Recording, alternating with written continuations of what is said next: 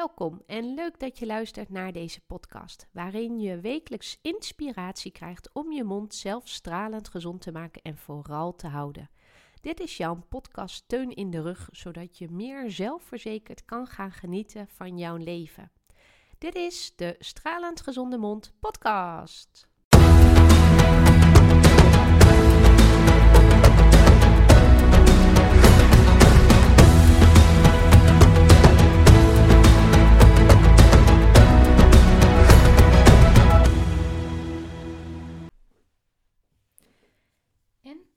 Zijn jouw cijfers deze week? Heb je sinds de vorige podcast daadwerkelijk zeven keer gestokerd of geragerd en veertien keer gepoetst? Is het je gelukt? Wees dus eerlijk voor jezelf. En als dat zo is, prima, geweldig, ontzettend goed. En als het niet gelukt is, geen man overboord. Want elke dag heb je een kans om opnieuw te beginnen. Als je vandaag weer de intentie zet om de komende week ehm, dus 14 keer te gaan poetsen en 7 keer te gaan stokeren en rageren, dan zul je zien dat als je die intentie bewust zet, volgende week al hele andere cijfers hebt. Maar weet je eigenlijk ook wat de reden is waarom dit uh, een onderdeel is van het basisadvies om je mond te verzorgen en dus ook te beschermen? Um, in Nederland hebben we het Ivoren Kruis en dat is een, uh, een instantie die eigenlijk de basisadviezen uh, formuleert op basis van de onderzoeken. Nou, en een centraal deel um, achter deze um, adviezen is plakverwijdering. En in deze aflevering gaan we het dan ook hebben over de kunst van plakverwijdering. En ik noem het bewust een kunst, want het lijkt zo makkelijk. Um, ik zou niet eens weten meer wanneer ik ben begonnen met um, zelf tanden poetsen. Ik weet nog wel heel goed wanneer ik ben begonnen met uh, tandenstokeren. Um, en eigenlijk ook nog flossen. Uh, en dat is namelijk tijdens mijn opleiding uh, tantekunde. Want elke student tantekunde werd in het eerste jaar opgeroepen om naar de mondhygiënist te gaan. Dat waren op dat moment uh, derdejaars mondhygiënisten in opleiding.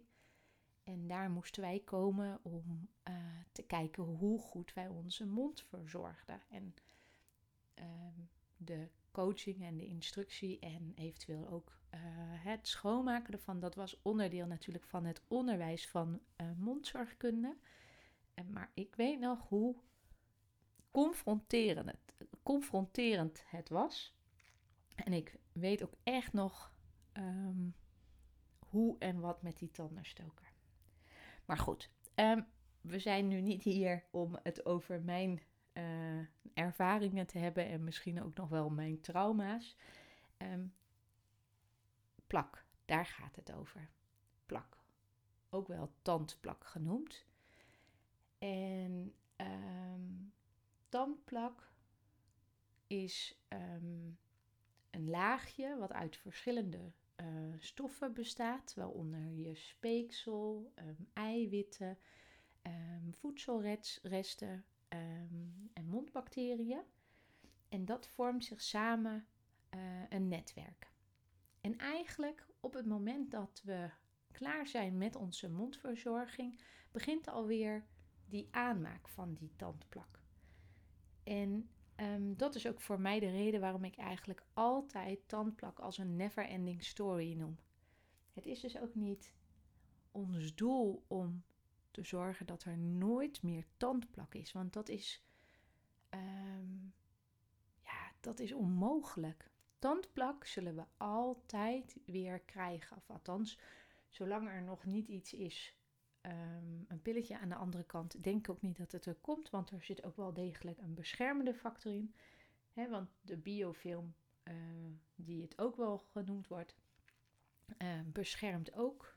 Um, Maar waar het vooral om gaat is ehm, dat je begrijpt hoe plak ontstaat en hoe je weet wat je ermee moet doen. En als je die kunst begrijpt, zal je ook eigenlijk beter die adviezen snappen. Uh, die zijn geformuleerd door het Ivoren Kruis en die elke tandarts en mondgenist in Nederland en heel eerlijk denk ik zo'n beetje wereldwijd eigenlijk je zou geven. En dat is dus dat het altijd doorgaat. Op het moment dat je mond schoon is, begint het weer opnieuw. En eerst ontstaat er een netwerk van eiwitten vanuit ons speeksel, die in een soort filmlaag over de tanden en kiezen gaan zitten. En um, in dat netwerk, dat wordt steeds interessanter, waardoor er eetresten in blijven zitten, en de uh, micro-organismen uh, vanuit onze mond, onze bacteriën gaan daarbij.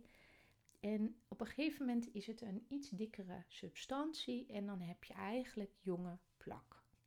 En die jonge plak uh, bestaat dus uit uh, bacteriën en op een gegeven moment zullen daar, zal dat steeds ingewikkelder gaan worden en um, de bacteriën die zeg maar um, met zuren om kunnen gaan, Um, dus dat betekent dat zo'n milieu steeds wat zuurder worden. En die beschermen zichzelf, waardoor eigenlijk zij steeds meer de bovenhand kunnen krijgen. Ze zorgen ervoor dat zij eigenlijk die zuurproducerende bacteriën eigenlijk steeds meer kunnen groeien. En um, ze onderdrukken eigenlijk ook elke andere um, bacteriën. Nou, en zo ontstaat gaandeweg, doordat er eigenlijk echt een verandering is van de soorten bacteriën, ontstaat oude plak. Nou, en die oude plak, die uh, met die zuurproducerende bacteriën, die is schadelijk voor onze tanden en kiezen. Want als die de kans krijgen om zeg maar die zuren te produceren, die zorgen ervoor dat er echt daadwerkelijk gaatjes ontstaan. Het lost daadwerkelijk het glazuur eerst op en de bacterie komt steeds verder. Dus die oude plak die is dus ook zoveel schadelijker dan die jonge plak. En het is dus nogmaals niet de bedoeling om te gaan streven naar geen plak meer, want dan blijven we poetsen. Dan zullen we de hele dag moeten blijven poetsen en dat heeft ook echt negatieve gevolgen. De bedoeling is, is dat we voorkomen dat de plak oud wordt. Dus we moeten elke keer zorgen dat het doorbroken wordt, dat netwerk, dat we kunnen um, zorgen dat hè, dus het weer opnieuw begint en weer jong wordt. En uh, op die manier minder risico's voor onze tanden en kiezen. De vraag is dan wel, hoe weet jij of je al die plak hebt verwijderd? Op het moment dat ik deze opname zit te doen, is het buiten ontzettend donker. En dat is ook wel eigenlijk een beetje wat er vaak gebeurt in onze mond. Hè? Um, we hebben totaal geen idee. Wat is plak? Waar zit het? Um, hoe kunnen we het bepalen dat het er nog steeds zit? Hebben we het weggehaald? Nou, één ding wat je zou kunnen doen is gewoon voelen. Jij kan zelf door middel van je tong voelen hoe je tanden en kiezen aanvoelen. Dus als jij nu met je tong over je tanden heen gaat, hoe voelen je tanden en kiezen dan aan? Als ze glad aanvoelen, dan is het helemaal top. Want dan betekent dat eigenlijk alle tandplak weg is. Tandplak zorgt namelijk, grappig eigenlijk, hè, voor het plakkerige uh, gevoel op je tanden. Maar je kan het ook zien. Je kunt dus ook je ogen gebruiken uh, om te bepalen: heb ik alles weg? Kijk eens goed, zeg maar, voordat je gaat poetsen en tandenstoker of rageren. Ga eens kijken wat je allemaal ziet op je tanden en kiezen. Zijn je tanden uh, glanzend of zijn ze dof? Nou, als het um, glad is en dus is het glanzend, dan zijn je tanden en kiezen schoon. Maar als ze dus uh, voorzien zijn van een laagje plak, dan voelen ze plakkerig aan of stroever aan en minder uh, glad. Dan zie je dus ook dat ze vaak wat geler zijn van kleur of dat ze een wat gele laagje hebben, laat los van dat het dof is. Dus door ook um, zintuigen te gebruiken, zoals zien en voelen, kun je eigenlijk um, effectief tandplak verwijderen. En nu begrijp je misschien ook dat er een groot verschil zit tussen gewoon keurig poetsen en stoken en rageren en echt plak verwijderen. En nu je weet wat tandplak is, waarom het advies is zoals het advies is, en dat je je zintuig kan gebruiken om ehm, plak te herkennen, um, weet je ook eigenlijk direct het codewoord.